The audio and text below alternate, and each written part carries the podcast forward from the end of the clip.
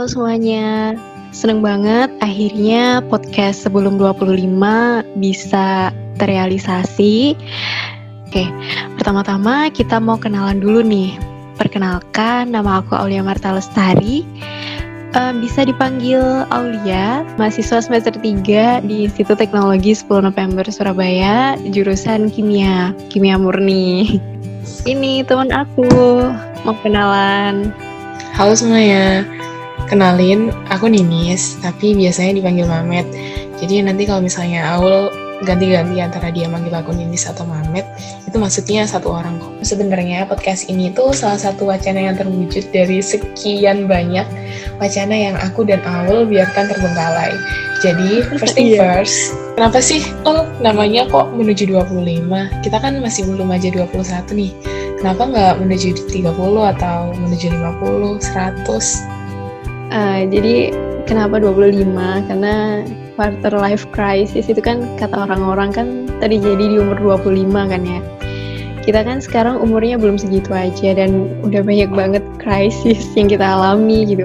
Sembari menunggu krisis besar itu. Krisis yang sebenarnya.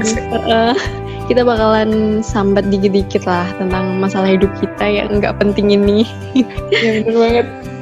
Oke, langsung aja kita masuk ke seperti yang ada di judul podcast ini, titik balik ya. Um, pernah nggak sih kita tuh ngerasa jadi orang yang paling gagal? Jadi semua yang kita lakuin tuh nggak pernah bawa hasil.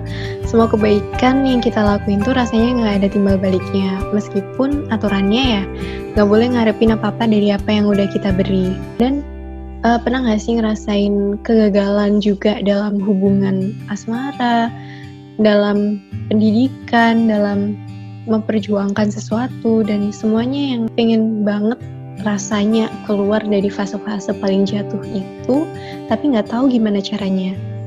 Tapi tenang ternyata kita tuh nggak ngerasain itu sendirian. Jadi aku Ninis dan banyak banget orang-orang di luar sana bahkan orang-orang besar yang lahir tuh dari banyak banget gagal yang mereka dapetin. Pada akhirnya dari gagal itu sendirilah kita tuh bisa terbentuk gitu Nah, um, meski ungkapan terbentur, terbentur, dan terbentuk itu benar, aku nggak ingkarin sih kalau selama ini rasanya hidupku kok terbentur mulu ya. Kayak apa pun yang aku inginkan gak tercapai, apa pun yang aku rencanakan gak sejalan. Terus kapan gitu terbentuknya? Aku selalu bilang ke diri sendiri, kayak sabar nih, hidup ini nggak berakhir cuman gara-gara ini atau hidup nggak ber hidup nggak berakhir saat kamu gagal um, sebenarnya dalam masa gagalku sendiri ya banyak banget sih kayak dari kecil aku nggak tahu ya sebenarnya ini bisa disebut gagal atau enggak tapi bagi aku nggak mendapatkan sesuatu yang aku inginkan tuh termasuk kegagalan kayak misalnya aku ingin sesuatu terus aku bilang gitu ke orang tua aku minta gitu dan mereka nggak ngasih. Terus hal-hal kecil kayak misalnya ranking kita jatuh terus nilai ulangan kita jelek atau pas kuliah nilai IPK kita kok nggak memuaskan meskipun kita udah usaha atau malah eh, hal-hal kecil kayak kita nggak menang giveaway atau kita nggak keterima kepanitiaan kampus atau gagal hubungan, gagal ngebanggain orang tua, gagal jadi teman yang baik, gagal ngebantu orang lain, sampai gagal meraih apa yang udah lama banget kita inginkan. Dan fase-fase um, gagal itu bakalan hmm, banyak bak bakalan kita temuin lagi sih di hari-hari selanjutnya. Dan it's okay gitu meskipun kita gagal meskipun um, kita tahu pasti bahwa kegagalan yang kita alami sekarang itu nggak jadi yang terakhir. Kita bakalan nemuin banyak banget kegagalan di hari-hari selanjutnya gitu. Dari hal-hal kecil kayak kita nggak bisa uh, tercapai apa yang kita mau misalnya dulu aku pernah TK nggak diikutin lomba senam gara-gara aku sakit gitu aja aku udah ngerasa aku tuh gagal gitu. Itu padahal hanya kegagalan kecil. Walaupun kasihan sekali ya yang porsinya anak TK gitu. Dan sekarang tambah besar porsi kegagalannya juga mengikuti di mana pundak ini bisa nerima beban-beban kegagalannya itu uh, dimulai dari ditolak uh, perguruan tinggi yang aku perjuangkan. ditolak itu aku udah ngerasa paling gagal gitu.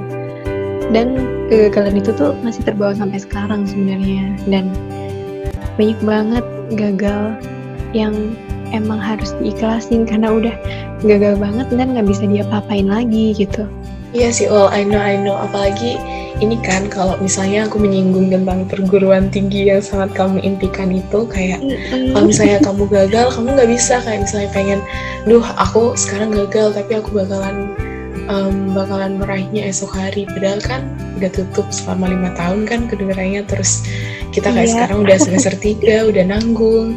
Jadi ya kayak um, mungkin hal itu harus diikhlaskan selama lamanya gitu itu iya benar banget. Berapa kegagalan emang harus diikhlasin. Soalnya kalau kita nggak ngelakuin itu, kita nggak ikhlasin kegagalan itu, kita tuh nggak bakal nemuin hal baru yang bisa ngegantiin kegagalan itu. Bisa jadi hal baru itu malah lebih baik gitu kan. Jadi kuncinya tuh ikhlasin gitu. Pun juga dalam hubungan setiap orang tuh pasti punya yang namanya kegagalan. Nah, kalau nggak diikhlasin kita tuh bakalan masih ada di cerita yang itu itu lagi gitu. Uh, ada dua sih pilihannya ikhlasin atau benahin. Tapi kalau emang udah nggak bisa dibenahin ya udah kita tinggal ikhlasin gitu kan. Benar banget. Suka kata-katanya um, sebenarnya gagal itu bukan tentang seberapa besar atau seberapa kecil kita memandang penyebabnya sih karena ya subjektivitas setiap orang itu berbeda dan aku rasa namanya gagal ya pasti sedih. Dan itu valid banget buat meratapinya. Kalau aku buat nangisnya seharian cuman kita nggak boleh gitu terus-terusan nangis seharian ya. Betul kita nggak boleh terus-terusan terpuruk atau gini oh kita nggak boleh terus-terusan merasa kayak jadi orang paling menderita gitu di dunia. Kan biasanya kayak kita kayak ya ampun kita paling sedih atau ya ampun kok hidup kita nggak guna ya ul? Pada akhirnya nggak um, kita aja gagal mulu. Kita nggak sendirian di sini meskipun kita sering ngerasa demikian. Iya benar banget. Dan dari kegagalan itu akhirnya tuh kita tuh punya yang namanya titik balik nggak sih? Jadi kita tuh bisa belajar satu persatu dari gimana sih caranya Tuhan. Ternyata tuh nempatin kita pada jalan hidup pada bagian dari cerita hidup seseorang tentang gimana cara Tuhan memperlihatkan satu persatu takdir kita dan gimana kita gagal dari sana kita tuh akhirnya punya titik baliknya gitu. Kalau misalnya bicarain soal titik balik ya Matt ya kita itu kalau misalnya gagal pasti ada yang namanya rasa buat kita tuh nggak mau ada di fase itu lagi kita harus bangkit dan kita harus lebih baik gitu. Jadi ya, uh. kayak ada rasa kayak uh, men-challenge diri sendiri gitu. Uh, contohnya ya kemarin tuh aku pernah ngerasain yang baru-baru aja ya yang masih anget gitu topiknya. Aku tuh ngerasain kegagalan banget yang uh, mungkin ini tuh nggak penting bagi sebagian orang tapi juga penting bagi sebagian orang yaitu gagal dalam sebuah hubungan. Apalagi kalau orang itu tuh udah rasa-rasanya jadi bagian terlengkap dalam keseharian kita gitu. Terus tiba-tiba kita tuh harus berbeda jalan gitu. Dan dari sana dari perasaan dan pemikiran kita yang masih ke sana kita tuh butuh titik balik.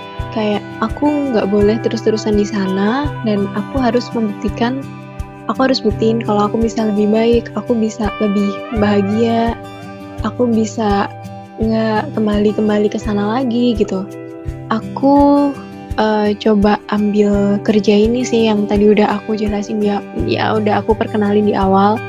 Terus hmm. aku having fun sama teman-teman aku aku melakukan hal-hal yang aku sukain kayak baca buku nulis ngegame dan lain sebagainya pokoknya yang bisa bikin pikiran aku tuh bahagia gitu dan nggak ke arah sedih-sedih itu lagi dan akhirnya dari sana aku peran-peran tuh nemuin suatu hal kalau ternyata buat bahagia, buat seneng itu tuh nggak bergantung sama orang lain, tapi tergantung pada diri kita sendiri gitu. Jadi titik balik kita itu tuh tergantung pada diri kita sendiri. Titik balik kita tuh buat uh, men-challenge diri kita. Kita tuh pernah gagal dan kita harus bisa bangkit lebih baik daripada gagal kita itu sendiri gitu. Kalau kamu sendiri gimana nih, Matt? Um, aku setuju sama kata-kata kamu yang tadi sih Ul yang um, kalau misalnya kita ngerasain kegagalan, kita tuh nggak mau ngerasain itu lagi karena ya sebenarnya itu naluri manusia banget sih kalau kita ngerasain sakit, kita pasti nggak mau kan sakit terus-terusan. Kita tuh kayak hidup berusaha untuk mencari kebahagiaan tentunya.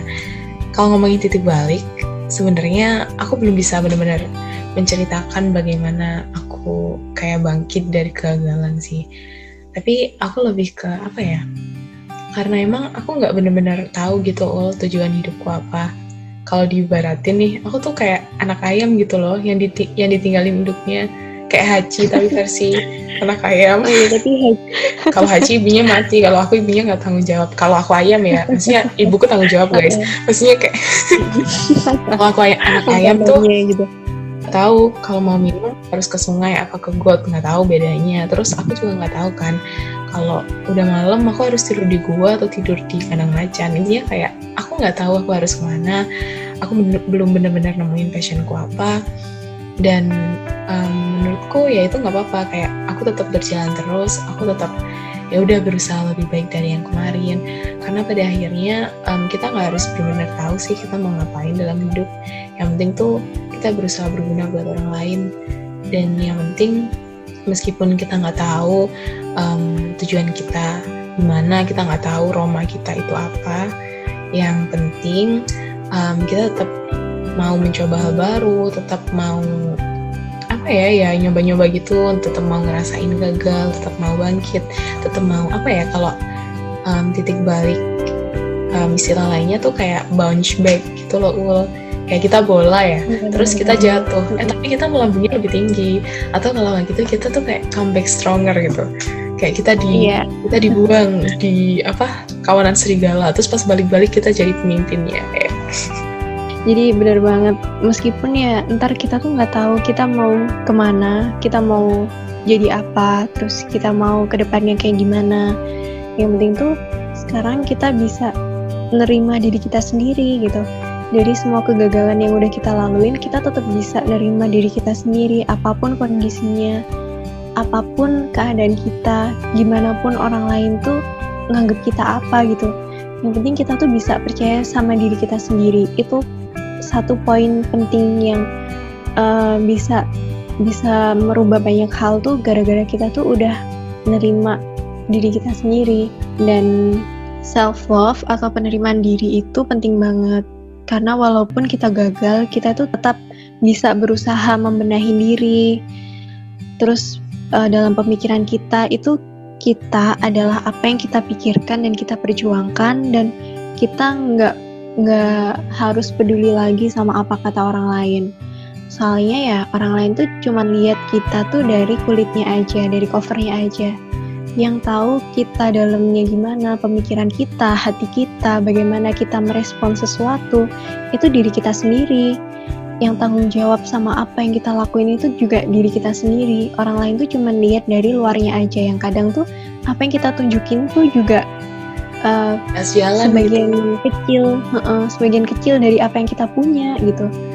Jadi apa pun yang terjadi, gagal berhasilnya kita, selama kita tetap bisa melakukan penerimaan diri, kita tuh tetap bakalan bisa berproses dengan baik gitu. Karena gagal itu bukan suatu akhir dari perjalanan ya, tapi gagal tuh bagian dari perjalanan. Kalau misalnya kita mau uh, mencapai suatu hal, kita tuh pasti harus gagal dulu buat uh, nyempurnain langkah kita. Tanpa adanya gagal itu, langkah kita tuh bakalan hambar gitu gak sih kayak apa sih alurnya lurus aja tiba-tiba langsung berhasil enak gak sih seru gak sih hidup kayak gitu Gak seru Maksudnya banget. kayak gini loh Ul, kalau kita lihat novel-novel ya kalau misalnya dari awal tokoh utama yang gak ada masalah terus sukses kan nggak enak gitu. Justru yang bikin iya, asik banget. dari suatu cerita itu karena ada jatuh bangunnya dan apa yang mereka alami atau kejadian-kejadian yang uh, mereka hadapi saat di perjalanan itu. Setuju banget sih sama aku. Iya, bener banget. Cuman ya itu tadi gagal tuh emang gak enak. Emang ha beberapa harus diikhlasin dan beberapa hal bisa dibenahin ya. Tapi yang namanya hidup tanpa gagal tuh bakalan alurnya tuh gak menarik buat kita jalanin gitu. Buat kita ceritain ke anak cucu kita nanti. Asik. Mm-mm.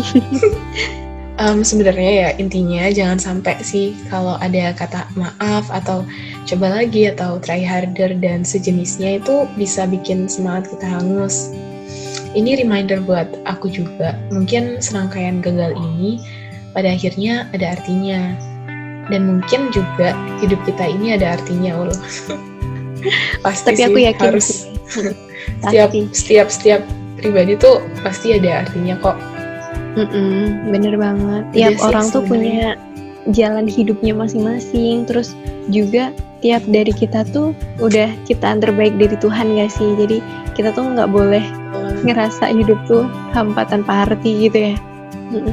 Oh, aku nggak yakin ini um, sebenarnya seseorang dapat mengambil sesuatu dari kita atau enggak, tapi ya aku berharap cerita ini berguna sih. Seenggaknya meskipun aku sama Aul nggak memberi apa ya kontribusi positif dalam um, pendengar, seenggaknya um, kamu bisa se- apa ya ngasih tahu bahwa yang bahwa kami ini juga gagal, bahwa sebenarnya kegagalan itu normal banget. Podcast ini tuh sebenarnya isinya tuh sambatan gitu ya dan cuman opini orang-orang yang bukan inspirator, Ya bukan orang-orang yang apa-apa, bukan amatiran kayak kita, terus kita nggak terlalu orang-orang yang amatiran. pegang skrip jadinya em, agak-agak ngelantur gitu aja. maaf banget ya Mm-mm, jadi yaudah eh, kalau misalnya ada yang bisa diambil ya alhamdulillah kalau misalnya nggak ada yang bisa diambil ya udah kalau misalnya banyak Iya, mohon banget ada maaf. kata-kata yang salah tadi pokoknya mohon maaf bang. Ya itu sih. Ya benar banget. Ya udah semoga kita masih bisa eh, curhat-curhatan terus lewat podcast ya Met ya. Amin. Semoga ada yang mau dengerin kita ini ya. 25 soalnya pasti banyak banget cerita-cerita baru tentang banyak hal pokoknya di usia-usia kayak gini tuh bakalan banyak banget yang terjadi bakalan seru banget juga bakalan unek-unek kita juga banyak makanya kita berusaha apa ya ngabadiin di sini gitu karena mau bikin vlog juga kan kayak nggak ada modal maksudnya bukan cuma Iya. modal uang ya. kita juga nggak bisa editing terus aku Iya, juga bener. lebih suka ngomong dalam hati daripada daripada ngomong di depan kamera iya aku juga suka ngomong dalam pikiran sih apa sih? Dalam hati dan pikiran. Eh apa nih dipotong gak sih? Ya ya udah Mm-mm. lihat nanti ya. Nah, ya udah makasih ya Makasih teman-teman udah mau dengerin podcast sambatan kita. Thank you